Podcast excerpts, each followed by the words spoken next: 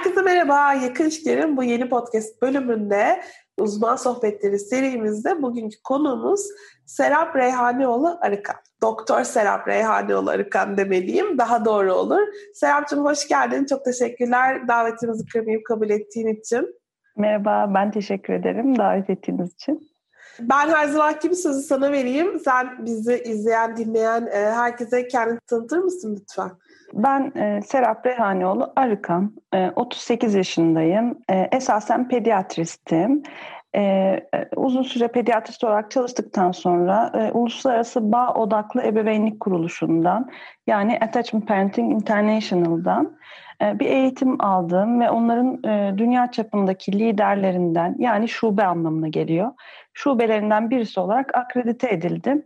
E, bu bağlamda gönüllü olarak çağrıldığım her platformda bağ odaklı ebeveynlik yani attachment parenting anlatıyorum. kendi Instagram hesabından ve web sitemizden de paylaşımlarda bulunuyorum. Onun dışında aile danışmanlığı eğitimi aldım ve sonrasında sadece ebeveynlik konularını ebeveynlerle bireysel ve grup danışmanlık çerçevesinde çalışmaya başladım.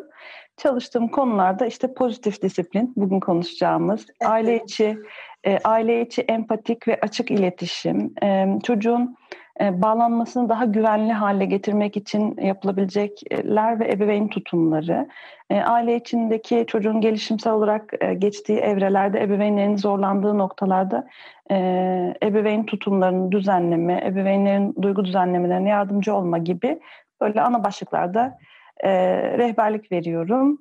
E, bir kızım var, e, neredeyse 5 yaşında, evliyim, Ankara'da yaşıyorum.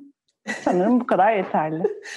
Çok teşekkürler. Bugün senin de söylediğin gibi çocuklarımıza bağlarımızı koruyarak, onları incitmeden nasıl disiplin kavramını e, öğretebiliriz. Pozitif disiplin e, nasıl olur? Bunun hakkında konuşacağız.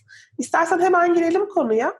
Tamam. E, ve ben sana çok hızlıca sorayım. Cezasız disiplin nasıl öğretilir? Değil mi? Aa. Çünkü Yansın şöyle, e, istersen bir çok hızlıca şunu söyleyelim. Yani çocuklarımıza disiplin öğretmek önemli bir kavram. Çünkü tabii ki Hı-hı. hepimizin hayatta bazı nasıl hareket ederiz bunları öğrenmesi gerekiyor tabii ki. Ama Hı-hı. hep bunu nasıl yapabiliriz? Cezasız nasıl olur? E, bunları Hı-hı. öğretirken nelere dikkat etmemiz gerekir? Bunlar tabii ebeveyn olarak hepimizin hakkında olan sorular ve hep böyle e, manevralarla bulmaya çalıştığımız şeyler. E, o yüzden aslında burada bence senin bize anlatacakların önemli. O yüzden istersen başlayalım bir yerinden. Peki, peki. Ee, şimdi öncelikle e, bazı böyle ana noktaları ben e, belirtmek istiyorum. Çocuklarla pozitif disiplin e, yaklaşımına göre iletişim kurmaya çalışırken. Öncelikle bence çocukların her birinin mizacı öbüründen farklı. Dolayısıyla çocuğumu yakından tanımak çok önemli. Çocuğumun mizacına göre e, disiplin yaklaşımımı belirlemem çok önemli. Mesela hassas çocuklar var. Kolayca korkuya kapılan, kolayca tedirgin olan e, çocuklar var. Bu çocukları mesela korkutmadan e, disiplin uygulamak çok önemli. Çünkü çok kolayca genelliyorlar ve e, kaygıları, tedirginlikleri e, çok artabiliyor e, ve ömür boyu da o genellemeyle, o inançla e, devam edebiliyorlar.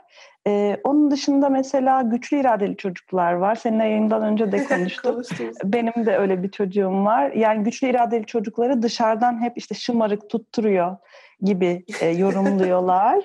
E, halbuki diğer çocuklara göre çok daha şeyler, daha baskın, böyle güçlü e, karakterleri olan çocuklar bunlar. E, bu çocuklarla mesela disiplin uygularken her zaman seninle de konuştuk. E, müzakere sürecine e, e, önem vermek, işte böyle astım kestim ben yaptım oldu, e, tabii ki yaptırtacağım, benim dediğim olacak gibi bir yaklaşımın tamamen ters teptiği çocuklar bunlar. Yani dolayısıyla çocuğun mizacını tanıyıp yani komşudaki tarif benim eve uymayabilir ve genelde uymaz veya kitaptaki tarif benim çocuğuma uymayabilir. Çocuğuma özgü, ev yapımı bir disiplin yaklaşımı bulmam önemli. Çocuğumun mizacına özgü. Hı hı, hı. Onun dışında e, çok sık gördüğüm şeyleri önce hani nasıl yapıldığını anlatmadan önce e, hangi noktalar önemli onun altını çizmek istiyorum. Gözlemlerimde e, hep fark ettiğim bir şey var. Açıklık yeterli olmayabiliyor. E, Yani ifadelerimiz yeterince açık olmuyor bazen çocuklarımızla konuşurken. Pozitif disiplin uygulamak istiyorsam açık olmayı öğrenmem lazım. Yani işte e, dolambaçlı söyle, söylevler yani çocuklarıma nutuk çekmek, çocuğuma nutuk çekmek, işte e, ima etmek, zaten biliyor diye düşünüp açıkça söylemeden böyle trip atar bir yerden, işte varsayımlar üzerinden disiplin vermeye çalışmak, iletişim kurmaya çalışmak değil de her defasında açıkça söylemek gerekiyor. Yavrum priz senin için zararlı izin veremem kuzum deyip sarılmak. 20. kere de söyleyeceğiz bunu, 50. kere de söyleyeceğiz. E, bu pozitif disiplinin de e, şöyle bir şey diyorum ben ebeveynlere. Siz elinizden geleni yapacaksınız, gerisini de zamana bırakacaksınız. Yani burada kayıtsızlık işte tamamen zamana bırak diye bir şey önermiyorum. Hı. Tabii ki ben vereceğim eğitimi nazikçe vermeye devam edeceğim. Ancak burada sabırlı olmam çok önemli. Çocuğumun yaşına göre, gelişim düzeyine ve mizacına göre benim öğrettiğim kuralı öğrenmek için belirli bir zamana ve çok tekrara ihtiyacı var. Dolayısıyla o aslında biliyor. Bıdı bıdı konuşuyor, bunu nasıl anlamıyor gibi şeyleri düşündüğümüzde e, her zaman kendi şunu dememiz lazım. Ya, biliyor olsa e, uygula, hani uygulardı. Bildiğini uygular. Çocuk her zaman bildiğinin maksimumunu yapar. Çocuk beni memnun etmek ister zaten ve yapmaya çalışır zaten. Dolayısıyla eğer yapmıyorsa zannettiğim gibi e, bilmiyor. Bi, bilmiyoruz. Yani biliyor diye varsayıyorum ya öyle varsaymamam lazım. Her defasında tekrar öğretmem lazım. E, bir diğer konu her zaman önce yatıştırıp sonra öğretmem gerekir. Yani en sık yaptığımız çok insan bunları hiç yargılayan bir yerden söylemiyorum. Bunları e, kendim de yaptığım için bu hataları bu kadar iyi biliyorum. Tabii hani tabii. ben de zaten böyle dinliyorum. Evet yani doğru falan diye dinliyorum.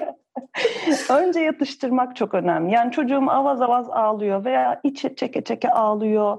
Yani çok kızmış, çok korkmuş, e, çok hayal kırıklığına uğramış, çok onuru kırılmış, çok içerlemiş bir halde o duyguyla onun bedeni çalkalanırken ben ona bıdı bıdı hayat dersleri anlatıyorum. Bunların hepsi çok faydasız. Zaten biliyorsun bilimsel olarak da e, duygusal sistemimiz çok aktifken yani bütün sinir sistemimizdeki işte stres hormonları e, aktifken bizim dinlemek yani alıcı e, sistemimiz hiç iyi çalışmıyor. Hele muhakeme eden, beynimizin muhakeme yapan sistemleri o sırada hiç çalışmıyor. Dolayısıyla yapacağımız şey önce yatıştırmak, sonra anlatmak ve anlatırken de bir çocuğun beni dinlemesini e, istiyorsam önce benim onu dinlemeyi öğrenmem lazım. E, ve bu dinleme sadece söylediği sözcükleri dinlemek değil. Çünkü yani bazı çocuk 3 yaşında konuşuyor, bazı 2 yaşında konuşuyor. Çocuğun beden dilini dinleyebilmem lazım. Çocuğumun duygularının bedeninde e, ifade bulduğu o işaretleri yakından tanırsam e, yavaşça bunu öğrenirim zaten. Çocuğumun beden dilini dinleyebilmeyi öğrenmem lazım. Eğer şey dersem, biz böyle mi büyüdük? Ben anlatacağım tabii ki dinleyecek dersem benim sonum ebeveyn sağlığına maruz kalmak. Ebeveyn sağlığını da çok kısa söyleyelim sen biliyorsundur. Ee, ebeveyn bıdı bıdı konuşuyor çocuk hiç dinlemiyor şey kapalı. Alıcılar tamamen kapalı. Eğer buna maruz kalmak istemiyorsam çocuğumu önce yatıştıracağım sonra onu dinleyeceğim sonra ben anlatacağım. Bu sırayla yapmayı yapabildiğim kadar aklıma geldiği kadar yaparsam e, disiplin yaklaşımın uzun vadede o kısım da önemli. Hani kısa vadede değil, uzun vadede etkili olacaktır. Burada e, çocukla konuşurken bence yaptığımız hatalardan bir tanesi de ben kendimi de yakaladığım için söylüyorum. Çocuklar gerçekten basit kurulmuş cümlelerden anlıyorlar. Yani hani böyle hmm. uzun uzun anlattığımız zaman hani tabii ki içeriğini anlatalım, altını anlatalım, neyi neden yapmalarını veya yapmamalarını istediğimizi anlatalım ama böyle komplike cümlelerle değil de yani gerçekten böyle kısa konunun özünü anlatan ve direkt o konuyla ilgili e, cümleler kurarak anlatmanın ben daha faydalı olduğunu görüyorum açıkçası. Sen de öyle düşünüyorsun. Kesinlikle.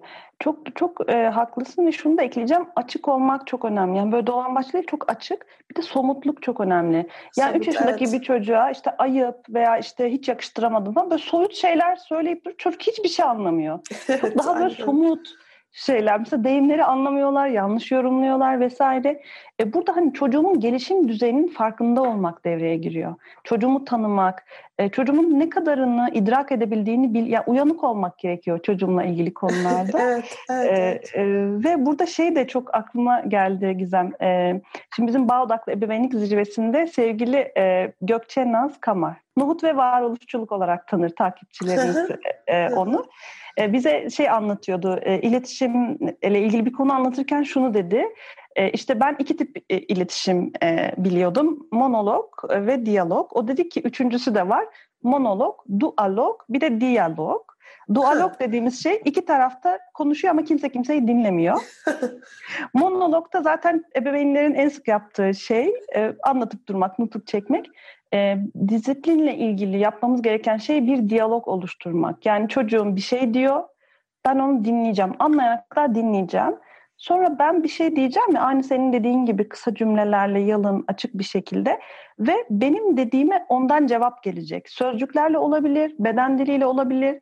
E, yani bu diyaloğu, bu akışı e, fark edebilmek ve kurabilmek gerekiyor. E, ve bunlar böyle emekle ve sabırla olacak şeyler. Hani birdenbire ol, olacak şeyler değil. Kesinlikle e, cezasız ve ödülsüz pozitif disiplinde e, nelere dikkat etmeliyiz diye anlatırken şunları not almışım. Ben özellikle söyleyeyim diye not aldığım şeyler var. O yüzden onlara kısaca bakıyorum. Tabii ki. Mesela cezadan kesin olarak kaçınmak bence çok önemli. Ve ödülden de öyle. Çünkü ödül cezanın öbür yüzü. İstersen biraz cezanın sakıncalarına tabii. da gireyim. Ne dersin? Tabii ki, ee, tabii ki lütfen. E, çok kısaca yani çoğumuz cezalarla büyüdük. Bazı şanslı e, bir kısmımız da ödüllerle e, büyümüş olabilir ama sonuçta ikisi de aynı paranın iki farklı yüzü. Şimdi cezayı neden önermiyoruz? Öncelikle çocukta bir öğrenme yaratıyor ceza. Şöyle ki ortada bir sorun var ki ben disiplin uygulamak durumunda kalıyorum ve benim uyguladığım yöntem ne ise eğer çocuğum da onu öğreniyor. Yani aynı zamanda ben bütün uygulamalarımla çocuğuma hayat derslerimini modelliyorum. Eğer ben çocuğuma ceza veriyorsam o zaman çocuğuma da şu mesaj veriyorum. Bir sorun çıktığında eğer kızgın ve güçlüysem başkalarına ceza verebilirim. Ve en kısa zamanda da o cezalardan biz nasibimizi alırız. Yani biz çocuğumuzu cezayla büyüttüğümüzde gücü yerine geldiğinde yani şimdi küçükken iradesini kırabiliyorsunuz çok isterseniz çünkü güçlüsünüz ama elbette ki o çocuk ergen olacak elbette ki yetişkin olacak belki bazı çocuklar yani 4-5 yaşından sonra bile ebeveyni cezalandırmak konusunda çok ustalaşmış oluyorlar. Ebeveynler hayret ediyorlar. Nereden öğrendi bütün bunları? Tabii ki sizden öğrendi aslında. Dolayısıyla çocuğuma yaptığım muamele çok önemli. Çünkü insanlara nasıl muamele edeceğim, e, edileceğini de ona öğretmiş oluyorum ona yaptığım muameleyle. E, dolayısıyla başka bir insanın üzerinde güç kullanmaktır ceza. E, ve bunu çocuğuma öğretmem çok tehlikeli. Toplumsal boyutta da tehlikeli. Çünkü biliyorsunuz Tabii. Tahakküm her zaman şiddeti arttıran bir şey. E, peki neler ceza olabiliyor? Buna da çok kısa uzatmadan gireceğim. Mesela dikkati geri çekmek de bir ceza. Yani çocuğum beğenmediğim bir şey yaptığında göz teması kurmamak, soğuk davranmak, sarılmalarını reddetmek, işte şeyi açıkça söylemek, işte onu yapana kadar hani küsüz gibi böyle bir küsmek bir ceza aslında koşullu sevgi uygulamış oluyorsun değil mi? Yani hani bunu Kesinlikle. yapana kadar benden sana sevgi gelmeyecek, benden sana şefkat gelmeyecek. Kesinlikle. Ee, ve işte mesela şey diyorlar, ağlayınca odasına gönderebiliyorlar, e, susana kadar seninle konuşmayacağım diyebiliyorlar. Bunun hepsi ceza. E, bir çocuğu bir duygu ifadesi yüzünden cezalandırmak anlamına geliyor, onu yalnız bırakmak anlamına geliyor. Onun dışında ceza e, şuna sebep olabilir birçok çocukta ben bakmadığımda yapar. Yani ben varken yapmaz ama ben bakmadığımda yapar. O zaman acaba çocuğuma ne öğretmiş oluyorum? Yalan söylemeyi, gizliliği, dürüst olmamayı öğretmiş de olabilirim kendi elimle. Ve mesela cezada da şöyle bir şey var. Çocuk davranışlarını başkasının e, uzaktan kumandasıyla düzenlemeyi öğreniyor. Bunu da istemeyiz. Çocuğumuzun bağımsız olması yani ba- çocuğunun bağımsız olmasını istemeyen bir ebeveyn ben hiç görmedim ama eğer bunu istiyorsam e, öncelikle çocuğumun e, bir şeyleri yapmaktan kendi iç rehberliği sebebiyle yani kendi iç pusulası sebebiyle yapmamasını isterim. Ben ona bakıyorum diye değil çünkü ben bakmadığımda o zaman yapacaktır. İçsel bir disiplin oluşturmak istiyorsam cezadan kaçınmam gerekiyor. Onun dışında çocuğun ana fikri öğrenmesine engel oluyorum ceza uyguladığımda. Çünkü çocuğun dikkatini yaptığı şeyin sonucundan alıyorum ve benimle arasında bir duygusal güç savaşına doğru çekiyorum. Çocuk artık tabii ki o yaptığı şeyin yanlışlığıyla ilgili düşünmeyecek. Sadece bu durumdan nasıl kurtulacağını ve bir dahaki sefere bu duruma girmemek için nasıl üç kağıt yapması gerektiğini belki de öğrenmesi gerekecek. Ee, böyle bir de şey çok benim için önemli geliyor bunu söylemek. Onu da not almışım sürekli ceza verdiğimde bir çocuğa çocuk hiçbir zaman yani belirli bir yaşa kadar ebeveynin yanlış yaptığını bilmez. Ee, çocuk kendini yanlış yapıyor diye düşünür ve kötü bir çocuk olarak düşünür. Yani ben kötü bir çocuğum ki cezalandırılıyorum ve bu öz değeriyle ilgili çok ciddi bir yıkım yaratıyor. Benlik algısıyla ilgili. Yani olumlu bir benlik e, inşasını engelleyen bir, bir şey bu. Sen burada hemen tehlikeli. ufacık bir şey yapayım, e, araya gireyim. Ya aslında yetiş, ben çünkü biliyorsun yetişkinlerle çalışıyorum. Hani o, orayı belki ebeveynlere daha fazla hitap eder mi söyleyeyim. Yani biz yıllar sonra yetişkin insanlarla ta çocuklukta o çocuklara tabiri caizse enjekte edilen olumsuz hislerle boğuşuyoruz. Neden? Çünkü çocuk için anne, baba, ebeveyn her neyse bir rol model ve o rol modelin güçlü, hani onlara bakıyor ve onlardan aldığım bütün etiketler, bütün olumsuz yargılar aslında çocuğun zihninde yer ediyor. Ve hı hı bir noktadan sonra siz orada olmasanız da sizin ufacık bir formunuz o çocuğun zihninde sürekli olarak konuşmaya devam ediyor. O yüzden de belki siz artık onu eleştirmiyorsunuz ya da o tip cümleler kurmuyorsunuz ama görüyoruz 20 yaşında 30 yaşında daha da büyük insanlar zihinlerinde o çok küçükken e, edindikleri etiketlerle, olumsuz yargılarla kendi yargılamaya devam ediyor. O yüzden o öz saygı gelişimini, öz şefkat gelişimini, olumlu benlik algısını oluşturmayı gerçekten çok küçük yaşta çocuklarımıza yapmamız lazım. Ve cezayla bunu yapmaya çalıştığımızda gerçekten aslında çok olumsuz etkiliyoruz bunu uzun vadede. Kesinlikle, kesinlikle ve hiç fark etmiyoruz. Biraz da e, toplumsal ebeveynlik e, bakış açısından da etkilenebiliyoruz. Uyanık olmamız lazım. Ceza olduğunu fark etmediğimiz, çocuğun onurunu kıran, birçok uygulama olabiliyor ve bu çok normal karşılanabiliyor. Televizyonlarda mesela mola yöntemi diye uzun süre e, kullanıldı. Her, hepimiz onu seyrettik. E, cezanın değişik versiyonları toplumun her e, kademesine sinmiş durumda uyanık olmamız gerekiyor. Kesinlikle. Cezanın öbür yüzü ödül dedik. E, bu da insanlara çok tuhaf geliyor. Nasıl yani ödülsüz olur mu? E, burada ben şöyle bir açıklama yapmak istiyorum. E, ödül e, şöyle bir bağlamda kullanılıyorsa sevginin karneye bağlanması gibi az önce sen çok güzel söyledin. Yani e, çocuk benim beğendiğim bir şey yaptığında sevgi vermeye işte bir nesne vermeye dönüşüyorsa ve diğer zamanlarda bu şu anlama gelir. Beğenmediğim bir şey yaptığında sevgimi sevgimi e, alamayacağıyla ilgili bir mesaj veriyorum.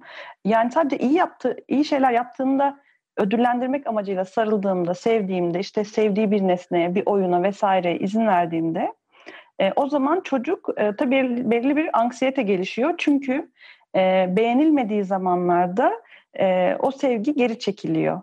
E, dolayısıyla ödül bence verilebilir ebeveynlikte ama bakış açısı olarak yani çocuğu bir eğitme yöntemi, bir köpeği eğitir gibi ki köpek benim köpeğim var yani köpeklerimiz bize bile öyle davranmıyoruz. Ee, hani sadece beğendiğim şeyleri yaptığımda bunu arttırmak için ödül verdiğimde bunun arkasında sürekli bir sevgiyi kaybetme, yakınlığı kaybetme korkusu gelişiyor ve bu da sıkıntılı. Yoksa normalde sevginin bolca verildiği, ilginin, sarılmanın, dokunmanın bolca verildiği bir evde e tabii ki çocuklarımıza bazı zamanlarda ödüller verebiliriz. Hani bunu ben böyle öcü gibi göstermek de istemiyorum ama disipline etmek için ödül kullanmayı tehlikeli buluyorum. Çünkü yanlış mesaj veriyor. Çünkü özdeğerle ilgili de yanlış bir mesaj mesaj veriyor. Sonradan işte biz böyle verimlilik e, e, tuzağına düşmüş yetişkinlere, postmodern yetişkinlere dönüşüyoruz. Ne kadar verimli olursam o kadar değerliyim, o kadar çünkü ödüllendiriliyorum. Sanki verimli olmazsam görünür olmazsam, somut bir şeyler ortaya koymazsam değerli değilmişim gibi kendi öz değerimden şüphe ettiğim bir konuma gelebiliyorum. Dolayısıyla e, bu sevginin, ilginin ödüle bağlanması bana tehlikeli geliyor. Ee, onun dışında nelere dikkat edelim ee, ödülsüz cezasız disiplinde? Gerçekçi hedefler koymaya dikkat edelim. Yani hiperaktif bir çocuğum var. Hiperaktif derken illa de hep tanısı olmasına gerek yok. Hareketli, tez canlı bir çocuğum var. Ben bunu şeye dönüştüreceğim. Komşunun oturup ders yapan çocuğuna dönüştüreceğim. Şimdi bir kere burada kesinlikle e, şey yapacaksınız yani kesinlikle başarısızlığa uğrayacaksınız. Gerçekçi hedefler koymak gerek. Çocuğumun kapasitesine, mizacına uygun hedefler koymaya bu da giriyor. Bazen de şu var, e, biz saçmalıyoruz. Yani gerçekten çok saçma kurallar koyabiliyoruz. Çok gereksiz yerlerde müdahaleler yapabiliyoruz. Biraz kendimizle de yani bir öz eleştiri de ara ara vermek lazım. Bir şeye çocuk çok itiraz ediyorsa belki de ben haksızımdır. Yani bunu da düşünebilmek önemli. Bir de şey de geliyor bana. Mesela kendim yapamayacağım şeyleri işte çocuğa yapmak ve yapamadığında çok özür diliyorum. Yap, yapmadığında da kızmak. Yani diyelim ki sanki ben askeri bir düzenle kendi hayatımı yaşıyormuşçasına işte her gün yatağını topla. Hiç müsamaha yok. İşte her gün onu yap. Ya sen kendi hayatında bütün bunları böyle yapıyor musun? Yapıyorsan bravo. Ben yapamıyorum yani ve görüyorum çoğu yetişkin kendi yapmadığı şeyleri çocuklarından bekliyor ve bu buna çok insafsız geliyor. Bilmiyorum ne dersin bu konuda? Ben buna yüzde yüz katılıyorum. Şu anlamda da katılıyorum. Ben mesela kızıma uyku eğitimi sırf bu sebeple vermedim. Çünkü ben baktım kendi hayatıma ben hiçbir zaman aynı saatte yatağa yatamıyorum. Çünkü her gün aynı miktarda yorulmuyorum. Her gün aynı saatte uykum gelmiyor. Her gün aynı saatte kalkmayı sevmiyorum. Dedim ki ben niye çocuğuma bunu yapayım? Yani hani bu tabii ki kimse yargılamıyorum. Beren kimse yargılamıyorum. Bu benim kendi ebeveyn olarak eşimle birlikte aldığımız bir karardı. Kendi hayatımıza bakarak. Ama gerçekten onu düşündüm. Yani ben hep yapamadığım bir şey çocuğumdan nasıl isteyebilirim evet evet kesinlikle çok katılıyorum sana. Şimdi peki nasıl yapalım? Hani nelere dikkat edelim dedik nasıl yapalım? Bence şey önemli. E, şimdi ana akım ebeveynlik yaklaşımları bağ odaklı ebeveynlikten farklı bir söylemdeler pozitif disiplinle ilgili. Diyorlar ki tutarlılık çok önemli. Tutarlılık çok önemli, tutarlılık çok önemli. ben diyorum ki esneklik. Ben değil sadece ben ve benim gibi bağ odaklı bir evet. savunan uzmanlar.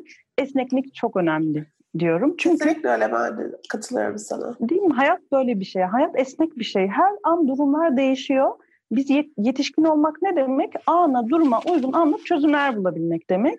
E, yetişkin olmak böyle bir şeyken, hayat böyle bir şeyken bizim sürekli e, durumlar değişse de, koşullar değişse de hep aynı kuralı böyle statik bir şekilde e, yani kurala aşık bir şekilde uygulamaya çalışmamız e, bana tuhaf geliyor. Dolayısıyla bana göre esneklik önemli. Buradaki esneklik bence aslında psikolojik esneklik de getiriyor çocuğa. Yani hayatta türlü durumların olabileceğini ve o durumlara kolay adapte olabileceğini de öğretiyor. Yani hep mesela aslında uykudan gittik yine onunla ilgili bir örnek verebilirim. Yani hep çocuğumu ben aynı saatte, aynı karanlık odada, aynı sesle uyutacağım e, gibi bir şekilde yaklaştığımız zaman bu sefer çocuk onun dışında uyuyamamaya başlıyor. O zaman yani çocuk için çok zor bu. Sizin için de çok zor. Uyumunu azaltan bir şey aslında. Azaltan bir şey. Ya ebeveyn için de çok zor bence. Ben burada ebeveynlerime çok üzülüyorum. Çünkü ne oluyor? Bu sefer hadi apar topar mesela dışarıda oturup gayet keyifli bir gün geçiren ebeveynler apar topar kalkıp koştura koştura eve gideyim, o saatte evde olayım, odayı karartayım, şöyle yapayım, böyle yapayım. Bu sefer çocuk mesela bir şey yarıda kalmış oluyor. Ebeveyn mutsuz olmuş oluyor. Yani o farklı durumlara adapte olabilen çocuklar yetiştirmenin ben ilerleyen e, zamanda yetişkinlik noktasında da çok önemli olduğunu düşünüyorum. Çünkü diğer türlü çok rigid ve uyum sağlayamayan, kolay uyum sağlayamayan bireyler oluşuyor bana kalırsa. Ben de düşünüyorum. Kesinlikle sana çok katılıyorum. E, esneklik şu açıdan da önemli. Yani kabaca tutarlı olmaya çalışsam bile bazı durumlarda çocuğum çok e, isyan ediyorsa ya bu çocuğun nesi var, derdi ne, neye ihtiyacı var diye yani kurala tutunup böyle oradan doğru ebeveynlik yapmak yerine şimdi ve burada ne oluyor acaba? Yani bu çocuğun derdi ne? Bu çocuğun işte canını sıkan ne? Bu çocuğun çok istediği bu şeyin altındaki ihtiyacı ne? Ee, ona gözümü ve kulağımı ancak esnek olursam açabilirim. Tutarlılık çoğu zaman çünkü katılığa dönüşüyor. Yani çocuğum üzülünce ben de kötü hissediyorum ya. İşte o yüzden hiç, hiç taviz vermeyeyim, daha katı durayım, daha katı durayım diye bir şeye geliyoruz. O zaman da çocuğumun halini hiç anlayamayabiliyorum ve çocuğum karşısında bir duvar görebiliyor. Peki ne yapalım? e, önce yatıştır demiştik. Önce yatıştır. Ne olursa olsun, mevzu ne olursa olsun önce yatıştır. Sarılarak, konuşarak, sallayarak, emmek isterse em, emzirerek, işte emzik e, kullanıyor ve emziğini kendisi talep ederse emziğini vererek neyse. Sen orada yanında duygusal ve fiziksel olarak bulun ve yatıştır. Sarılmamı istemiyor mu? Sarılmazsın yanında durursun. Git mi diyor. Biraz uzakta durursun. Git o gitlerin hiçbir gerçekten git demek değil. Çok kızdım demek. O yüzden hani yakınında aynı mekanda durursun. Ee, ve önce o duygusal fırtınanın dinmesini beklerim. Sonra e, bu duyguları fark etmeye çalışırım. İşte belki çok utandığı için bağırıyor. Gururunu kıran bir şey oldu e, her zamankinden farklı davranmasına sebep olan, e, bir şeye çok kızdı, e, çok incindi, belki çok hayal kırıklığına uğradı.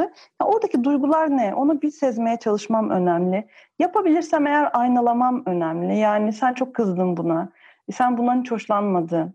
E, işte hayal kırıklığına uğradın neyse öyle bir önce bir duyguda durabilmek biraz önemli yani onun duygusunu anlamaya çalışmak önemli ve sonra e, çocuğum yatıştıktan sonra vereceğim hayat dersi neyse onu pozitif dilde aynı senin dediğin gibi açık, somut, kısa cümleyle söylemem önemli. Canım e, dondurma sağlığımız için zararlı. O yüzden sana yedirmek istemiyorum. Bugün yiyemeyiz canım. Nokta. Eğer daha çok ağlarsa e, sen işte çok istiyorsun. Keşke verebilsem aşkım ama veremeyiz kuzum. Ve çocuğun isyanını, bu, bu da çok önemli pozitif disiplinde. Tabii ki bir isyan ortaya çıkacak ve o isyanı kapsayabilmem lazım. Kapsamak demek hemen yatıştırmak demek değil. Kapsamak demek çocuk avaz avaz bağırıyor ve hararet biraz düşene kadar ben orada duruyorum. Sabırla duruyorum, sakince duruyorum. Diyorum ki çok kızmış, bağırıyor. Benim de oluyor yetişkin olarak tepemin attığı durumlar. O zamanlarda ne istiyorum? Biri sakince dursun istiyorum, beni anlasın istiyorum. Ben de o kişi oluyorum. Çünkü pozitif disiplinin temelinde şey var. Bana nasıl muamele edilmesini istiyorsam çocuğuma o düzlemde bir muamele yapmaya çalışıyorum. E, dolayısıyla ortaya çıkan isyanı da kucaklamak ve kişisel algılamamak, yani işte bu beni delirtmek için yapıyor, beni çıldırtmak için yapıyor, işte bana kötülük olsun diye, kötü hissettirmek için yapıyor. Hiç öyle bir şey yok. O, o senin sana bir şey yapmıyor. O kendi duygusunu yaşıyor. O anda hiç öyle becerileri yok yani manipüle etmek için erken yaşlarda. Ve sonra da diyalog içinde ifade etmek, göz teması kurmaya çalışmak mümkün mertebe, çocuğun hizasına inmek veya kucaklamak ve çocuğu muhatap almak çok önemli. Yani sözcükleri ve her şey yanlış söyleyebilirim ya o anda ama ebeveyn olarak o niyet çocuğa geçiyor. Yani benim çocuğu dinlemekle ilgili bir niyetim varsa, muhatap olmak ve bu işi tatlıya bağlamak, tatlılıkla çözmekle ilgili bir niyetim varsa bu niyet geçiyor. Hani illa böyle çok bilimsel konuşmama gerek yok. Kendi evimdeki ev yapımı, kendi dilime yedirerek bu yaklaşımla iletişim kurabilirim. Çok ufak şey söyleyecektim burada. Aslında istersen bunları dinleyicilerimiz için birazcık daha şeye bağlayalım. Şimdi neden göz kurmak? Neden şefkatle konuşmak? Neden kucağa almak? Neden öpüp okşamak? Neden önce yatıştırmak? Çünkü Bunlar zihnimizdeki işte oksitosinerjik ve opioiderjik sistemleri aktive ediyor ve o sistemlerin hı hı. aslında yatıştırıcı zaten genel olarak yatıştırıcı ve ağrı kesici ve bu ağrı kesici aslında duygusal olarak da ağrı kesici etkileri var değil mi? Yani bunu yaptığınız zaman mesela oksitosin salınımı olduğunda çocuğumuzun bize daha fazla güvenmesini sağlıyoruz. Hem daha fazla huzur duyuyor, hem bize daha fazla güveniyor, hem de aslında bağ kurmak adına da çok büyük bir şey yapmış oluyoruz. Çünkü çok zor bir anında yanında olduğumuzda aslında hani ödülden kaçıralım dedik ama bu da aslında negatif ödül değil mi? Yani olumsuz olanı ortadan kaldırmak aslında negatif ödül diye geçer. Biz aslında güzel bir şey yapmış oluyoruz çocuğumuz için. Onun stresini ortadan kaldıracak bir şey yapmış oluyoruz. Ve Hı hı. Burada samimiyetle bunu yaptığınız zaman yani o yumuşacık sözlerle konuşmak, işte göz teması kurmak, sarılmak, o ventromental kontağı sağlamak falan bunların hepsi aslında çocuğumuzun kendi iyi hissetmesini ve bu iyi hissetmeyi bizimle bağdaştırmasını sağlıyor. O yüzden de onun için biz, bizim imgemiz olumlu hale geliyor. Hı hı. Bir rehber olarak bizi ciddiye alabiliyor değil mi? Yani Aynen otoritemiz öyle. korkudan değil de e, bağlantıdan gelen bir otorite, daha işbirliğine yatkın bir çocuğa dönüşüyor uzun vadede. Kesinlikle sev, sevgi dolu, şefkatli ve yatıştırıcı bir rehber haline gelmiş oluyoruz. Evet, evet çok güzel e, şey yaptın, netleştirdin. E, çok teşekkürler. Teşekkür Şimdi diyelim ki bizim e, olumsuz davranış veya işte uygunsuz davranış olarak etiketlediğimiz şeyler niçin ortaya çıkıyor? Muhakkak ki bir ihtiyaç var. Yani o davranışların altında duygular, onların altında da ihtiyaçlar var. Dolayısıyla ben davranışı istediğim kadar yasaklayayım. İhtiyacı doyurmadığımda tekrar tekrar başka türlü başka türlü ortaya çıkacak. Ee, ve bu, bunu kesmenin veya bun, bundan bir fırsat yaratmanın ve çocuğu büyütmek, büyütecek bir fırsata dönüştürmenin yolu da e, ihtiyacı anlayıp bunu sosyal olarak kabul edilebilir bir şekilde istemeyi veya karşılamayı öğretmek. Yani e, oyuncağını almak için arkadaşını itiyor. Burada çok e, güzel bir niyet var değil mi? Oyuncağını almak diye bir niyeti var çocuğun. Orada kötü bir insan yok. Oyuncağını almak isteyen güzel bir insan var. Çocuğuma bunu öğretmem lazım. Sen oyuncak almak istedin arkadaşından canım ama itemeyiz. Canı yanar, itemeyiz kuzum. Oyuncağımı verir misin de bir dahaki sefere. Tabii ki bunu çocuğum ağlarken söylemiyorum. Çocuğum sakinleştikten sonra. O anda konuşamadım mı? Sabır çok önemli bakın pozitif disiplinde. Akşamına uykuya geçerken bıdı bıdı konuşuyoruz ya onlarda bağlantı anlarında. O, o zaman açarım konuyu. Derim ki oğlum sen hep bu çocukların oyuncaklarını geri almak için oyuncağını çocuklardan hep itiyorsun ya itemeyiz canım. Şöyle diyebilirsin oyuncağımı geri istiyorum. İşte vermezse de gelip bana söyleyebilirsin oğlum veya annesine söyleyebilirsin. Bakın bunlar ne kadar basit değil mi? Halbuki çocuklar bu stratejileri akıl edemiyorlar. Çok küçükler daha. Bunları böyle tek tek olay olay bir ihtiyacını çocuğun karşılamak için sosyal olarak kabul edilebilir yollarını öğretmemiz lazım ebeveyn olarak. Rehberlik etmemiz lazım. Mesela şey de çok önemli. Pozitif dilde ifadeler üretmek. Bu ne demek? Neyi yapamayacağını söylüyorum evet e, ama ben kendim de ebeveynimde genel olarak neyi yapamayacağını söylemekten çok kaçınırım. Güçlü iradeli bir çocuğum var. Onun yerine neyi yapabileceğini söylemek. Yani e, koltukları koltuklar çizmek için değil canım, kağıtlar çizmek için gibi. Tabii ki bundan şunu anlaşılmasını istemem. Aa tamam anneciğim Tamam hemen uzan kağıda gidin. Öyle bir çocuk yok ya. Ama bunu mesela ben yüz kere söylüyorum. Yüz kereyi aynı gün yüz kere değil bu arada onu da söyleyeyim. Söylenen bir ebeveyn gibi değil.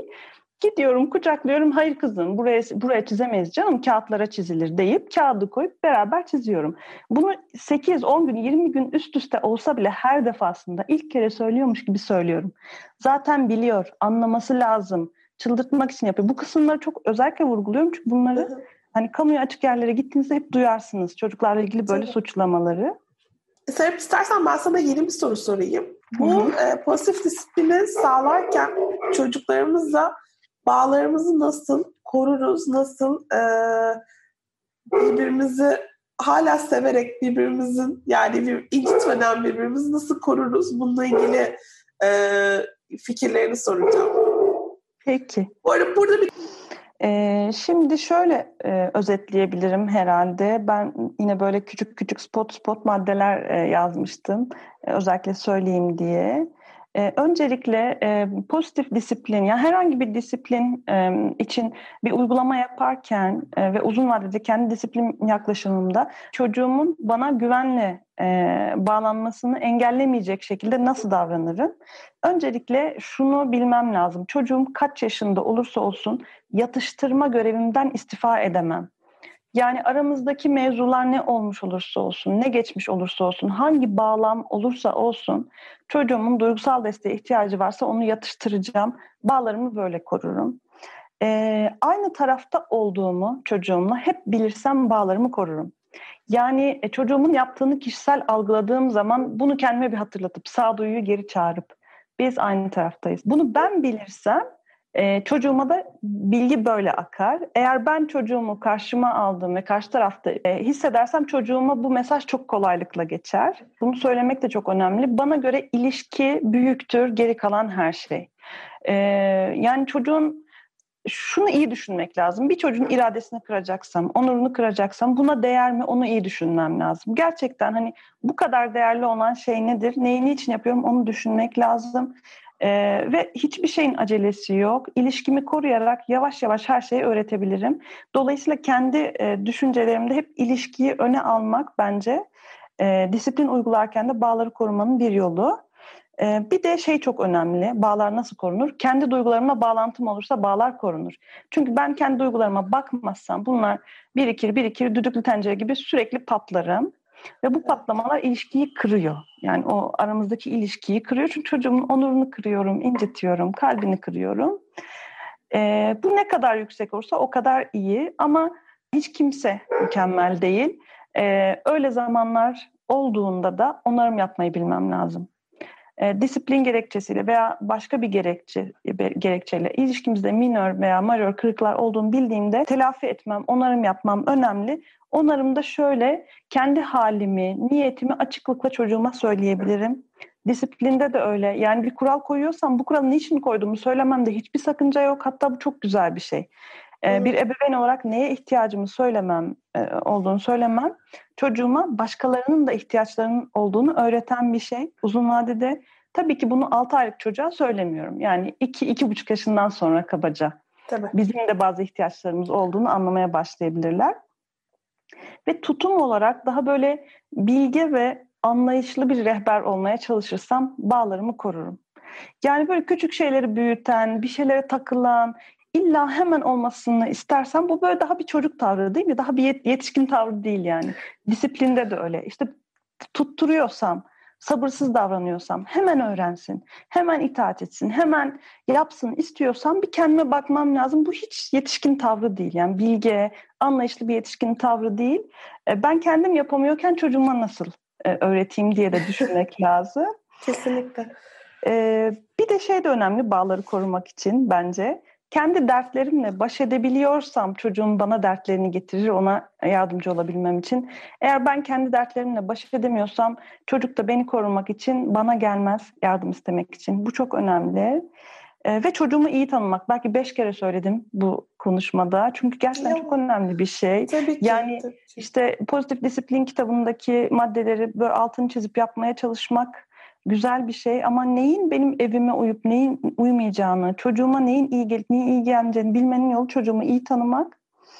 Ee, bir de şey de önemli. Bazı işleri bırakın zaman yapsın. Yani ben öğretmeye çalışırım ama çocuğumun nörolojik gelişimine de güvenmem lazım. Ve şey de çok önemli. Neşe kozunu kullanmak diyorum ben. Ee, böyle bir klima gibi evin iklimlendirmesini sağlamam gerekir.